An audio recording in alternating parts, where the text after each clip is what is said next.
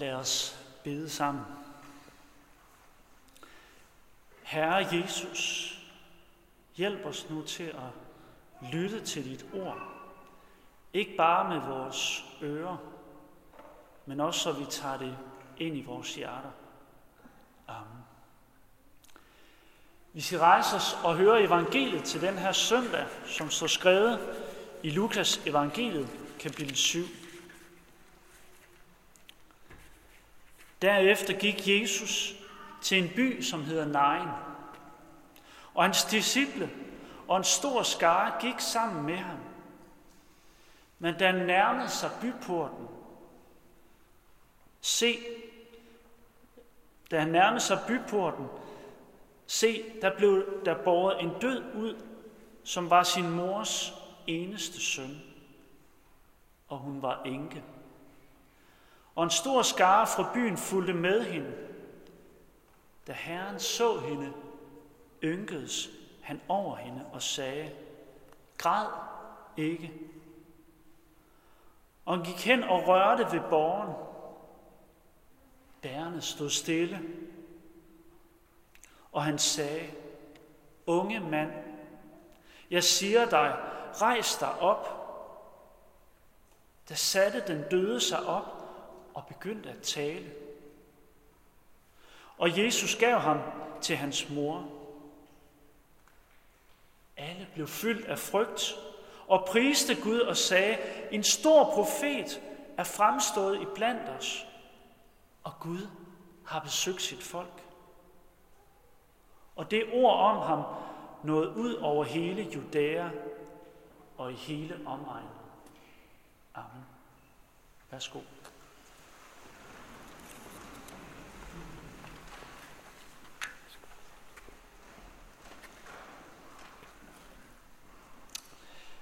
Måske har du prøvet det. Har du prøvet at være med til en begravelse? Eller stå ved en grav, hvor den døde var blevet sænket ned, og det hele det virkede bare så, så trist, så mørkt, så tomt, ja meningsløst. Hvorfor skulle han eller hende dø? Og måske Hvorfor så tidligt? Hvorfor? Hvorfor, Gud? Hvordan kunne du lade det ske? Jeg mistede selv min mor, synes jeg, alt for tidligt. Hun døde af kræft i en alder af 60 år. Og inden da havde vi bedt mange gange, også for hendes helbredelse. Lagt hende frem for Gud og hun var blevet salvet i kirken, hvor den nærmeste familie og nogle gode venner var med. Og alligevel så svarede Gud ikke med helbredelse. Hvorfor? Hvorfor Gud? Dengang synes jeg, at det var forfærdeligt hårdt og trist. Og siden har jeg tænkt på alt det, som min mor ikke nåede at opleve at møde min kæreste og nu kone. At se mig blive far til mine tre børn. At de fik muligheden for at møde deres mormor her på jorden. Og meget mere. Siden har jeg både som forældre og som præst oplevet ting med sygdomsforløb og dødsfald, som satte min oplevelse dengang i relief. Ingen af os, tror jeg, bliver forskånet for modgang, lidelse og død. Vi kommer alle sammen til at opleve det. Nogle af os oplever det, tror jeg, mere end andre. Og vi kunne sikkert godt bruge lidt tid nu her på lige at vente to og to hvordan vi hver især har oplevet lidelse og modgang. Og måske det her med død og den her følelse af meningsløshed. Og hvorfor Gud? Men jeg tror, at det egner sig bedre til, at, at vi tager det på tomandshånd på et andet tidspunkt. Eller måske i en mindre gruppe. Men måske har du også oplevet bare en lille smule af det, som, som enken hun fik lov til at opleve den dag i mødet med Jesus. At selv der, hvor det ser allermørkest ud, der hvor alt håb er slukket, der hvor vi kun ser sygdom, lidelse, vold, død, når vi åbner for fjernsynet, så er der rigtig meget af det, der følger. Og midt i vores livskriser, ja midt i det, så kan vi få et glimt af håbet, af Guds herlighed, af Guds lys eller trøst midt i mørket. Som med min mors sygdomsforløb, så fik hun lov til at være et vidnesbyrd midt i hendes skrøbelighed, midt i hendes sygdom, for mange andre. Vidstheden om, at hun var i Guds hænder. Jeg er i Herrens hænder. Lige meget hvad der sker. Og midt i begravelsen fik vi lov til at blive mindet om de ord af Jesus, hvor han siger, Jeg er opstandelsen og livet. Den, der tror på mig, skal leve, om han end dør. Lad os prøve os at leve os en lille smule ind i enkens situation. Den er enke fra Nain, som Jesus mødte den dag. Hun har mistet hendes mand, vi ved ikke hvor, hvor lang tid før. Det havde gjort hendes situation, kan man sige, vanskelig nok. Både socialt, men også økonomisk. Manden var den, der skulle forsørge familien. Det var ham, der ligesom skulle sørge for, at familien havde noget at leve af, skulle holde sammen på familien. Så måtte sønnen overtage. Men nu var også sønnen død. Hvem skulle nu forsørge hende? Hvem skulle sørge for, at, at hun kunne opretholde livet? Hvem var der for hende til at give hende trøst, give hende nærvær? Der var ikke nogen social hjælp dengang. En kommune, man kunne komme og banke på. Hun var overladt til sig selv. Hvordan skulle det gå? Situationen er håbløst, og man forstår til fulde hendes gråd og de folk, der fulgte hende. Men så gør Jesus noget. Vi for det her til det. Jesus han gør noget fuldstændig overraskende og uventet. Og egentlig noget meget provokerende. Det første han gør, det er, at han, jeg ved ikke, om I kan se det nede bagved, det er, at han ynkes over hende. Det er faktisk det samme ord, som vi møder i den barmhjertige samaritaner. Der er en, som ynkes over en. Det vil sige, at han får dyb og inderlig medfølelse og medlidenhed med den her kvinde. Men ikke bare det. Det er ikke bare en følelse. Han handler på det, han mærker. For det første, han gør, det er, at han stanser et begravelsesoptog. Prøv at forestille jer, at, øh, at der, der kom et ligetog her igennem Viborg, og så, øh, så skal du lige hen. Ej, jeg har så lige noget vigtigt. Ved du I kan ikke komme videre her. Du standser et begravelsestog, begravelsesopstog. Jeg tror, du vil, øh, du bliver afkrævet en rimelig god forklaring på, hvorfor gør du det her. Det gør man ikke. Endnu, mere, endnu mindre måske dengang. Det gør man simpelthen ikke. Men det gør Jesus, for han har noget, han vil sige. Han har noget, han vil gøre. På det andet, der er fuldstændig overraskende og provokerende, det er, at han går hen til den døde. Der, hvor den døde ligger på borgen. Han rører ved den, kommer berøring med den, og dermed så kommer han ifølge jøderne, farisæerne, så, kom han, så blev han uren. For ingen måtte røre ved en uren. En, der var død, var uren. Det gør Jesus. For det tredje, så begynder han sandelig at tale til den døde. Og våger du Jesus? Han er jo død. Kan du ikke se det? Du kan forestille hvordan det har virket som en hån, et slag i ansigtet. Som om smerten ikke er stor nok, Jesus. Det gør han. Ikke som en hån, men som en barmhjertighedshandling. Enken mødte en, som havde medlidenhed med hende, som havde dyb medfølelse med hende, og som handlede på det. Han var lige med, ligeglad med, hvad de høje herrer, de skriftkloge, de sagde. Han gik hen til hende, for han handlede på det, han så. Han havde ikke berøringsangst for hende eller for døden. Og han kom med ord, der overtrumfede døden. Hun oplevede, at der var håb midt i lidelsen. Hun oplevede, at Jesus var stærkere end døden.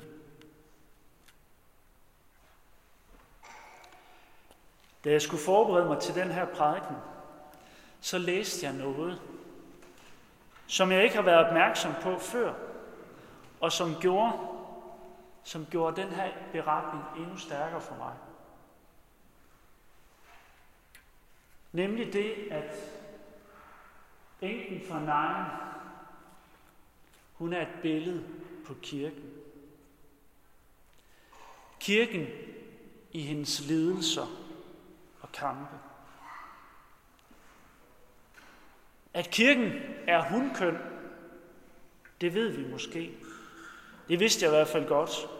Og billedet af kirken som en smykket brud, som kommer til os, det kendte jeg også.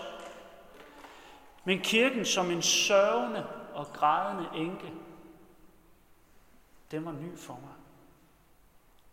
Men måske kan vi netop bedre identificere os med billedet af den sørgende enke, end med billedet af den strålende brud, som et billede på kirken.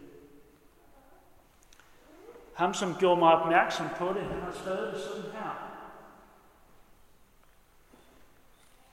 At nogle gange, så beskrives kirken som en enke, fordi hun har en mand, Jesus Kristus.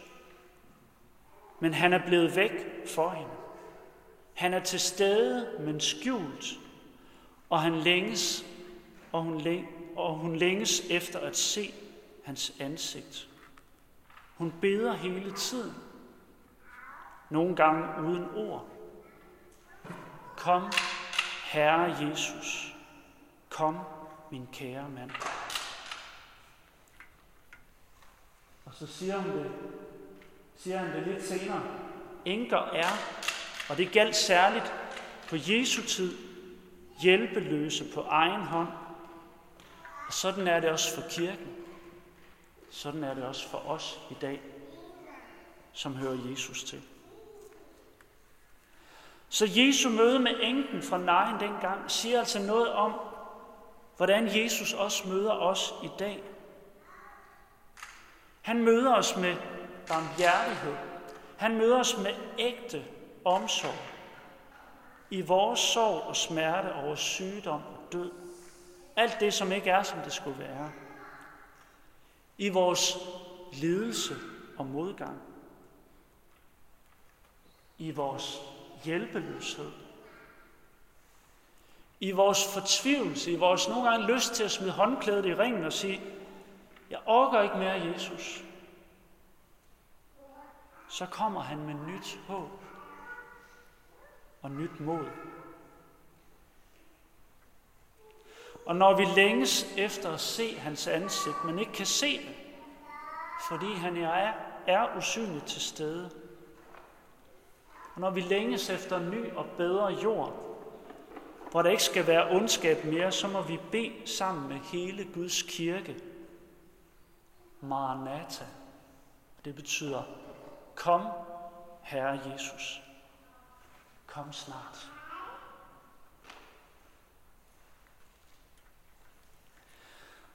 Håbet, det møder vi også meget stærkt i beretningen om Job. Og vi fik lige en lille læsning fra det også før. Job, han var virkelig blevet ramt. Ualmindelig hårdt. Tænker jeg godt, det ikke var mig, der var Job. Så jeg tror simpelthen ikke, jeg har stået det der igennem. Den her mærkelige beretning om, hvordan Gud han giver Satan lov til at ramme Job. Han har fået taget stort set alt fra sig. Sine dyr, sine okser, æsler, får, kameler og sine karle, ja endda sine sønner. Og dog så holdt han fast i Gud. Han bliver ramt af ondartede byller, og til sidst så sætter han sig i en askedynge og skraber sig med et potteskår for, for ligesom at holde smerten lidt bedre ud. Og han råber til ham, han klager sin nød til Gud. Men han holder fast ved Gud. Og som om det ikke er nok, hans kone han prøver, hun prøver at få overtalt ham til, at forband Gud og dø. Læg det på hylden. Og så kommer hans tre venner, sætter sig omkring ham. Først en uge i stillhed. Det skulle de måske have blevet ved med. For da de begynder at åbne munden, så har de kun skyld og anklage til Job. Du må have syndet, Job, siden alt det her, det har ramt dig. Men Job holder fast i sin uskyld. Han har ikke gjort noget for at fortjene al den her lidelse. Og han holder fast i Gud. Han holder fast i håb. Og det er som om han der i askedyngen, eller hvor han er siddet henne på det her tidspunkt, vi hører om det, får et syn af Jesus, som først skal komme mange hundrede år senere. Han får et syn af ham, som skal komme som frelser og forløser, når han siger det sådan her. Dog ved jeg, at min løser lever. Til sidst skal han stå frem på jorden, når min hud er skrællet af, når mit kød er tæret bort, skal jeg skue Gud. Ham skal jeg skue, ham og ingen anden skal mine øjne se. Jeg ved ikke, om Job han fik et helt konkret syn af Jesus, der i askedømmen. Men jeg tror det.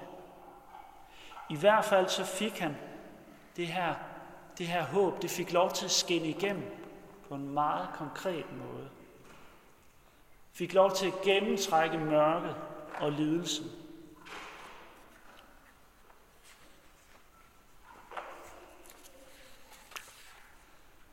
Martin Luther, vores reformator, han har sagt det sådan her om håbet og lidelsen. Håbet vokser altid. Også lidelser og forfølgelser bidrager til det. For håbet øger ikke i samme grad, som vanskelighederne aftager. Nej, vanskelighederne øger snarere håbet for at håbet ikke skal sætte sin lid til vormagt, men blive opholdt ved Helligåndens kraft. Helligånden hjælper os og styrker os i håb. Hold op. Håbet vokser altid, og vanskelighederne øger snarere håbet. Det er godt nok hård kost, kan du godt tænke. Og nej, det tror jeg ikke, vi skal sige til et menneske, der, der lige har mistet sin ægtefælle, eller til en, som er ramt af alvorlig sygdom eller psykisk lidelse. Jeg tror slet ikke, vi skal sige det til nogen. Men måske skal vi sige, kan vi sige det til os selv. Eller måske kan vi erfare sandheden i det ord. Måske et år. Måske fem år efter den lidelse, vi har været igennem.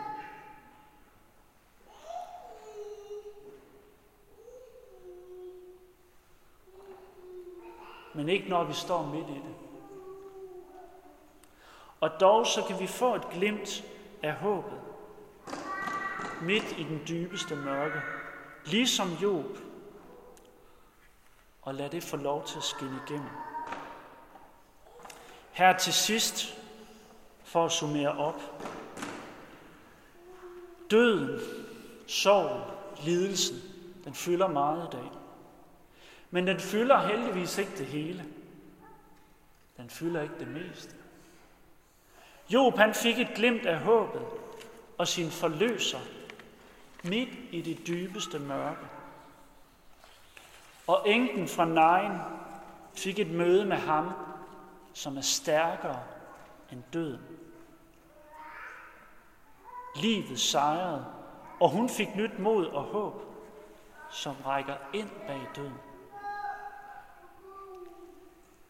Her på den her efterårets påskedag, kommer Jesus også til dig og giver dig nyt mod og håb. Midt i det, som du står i. Og han gerne lader dig se,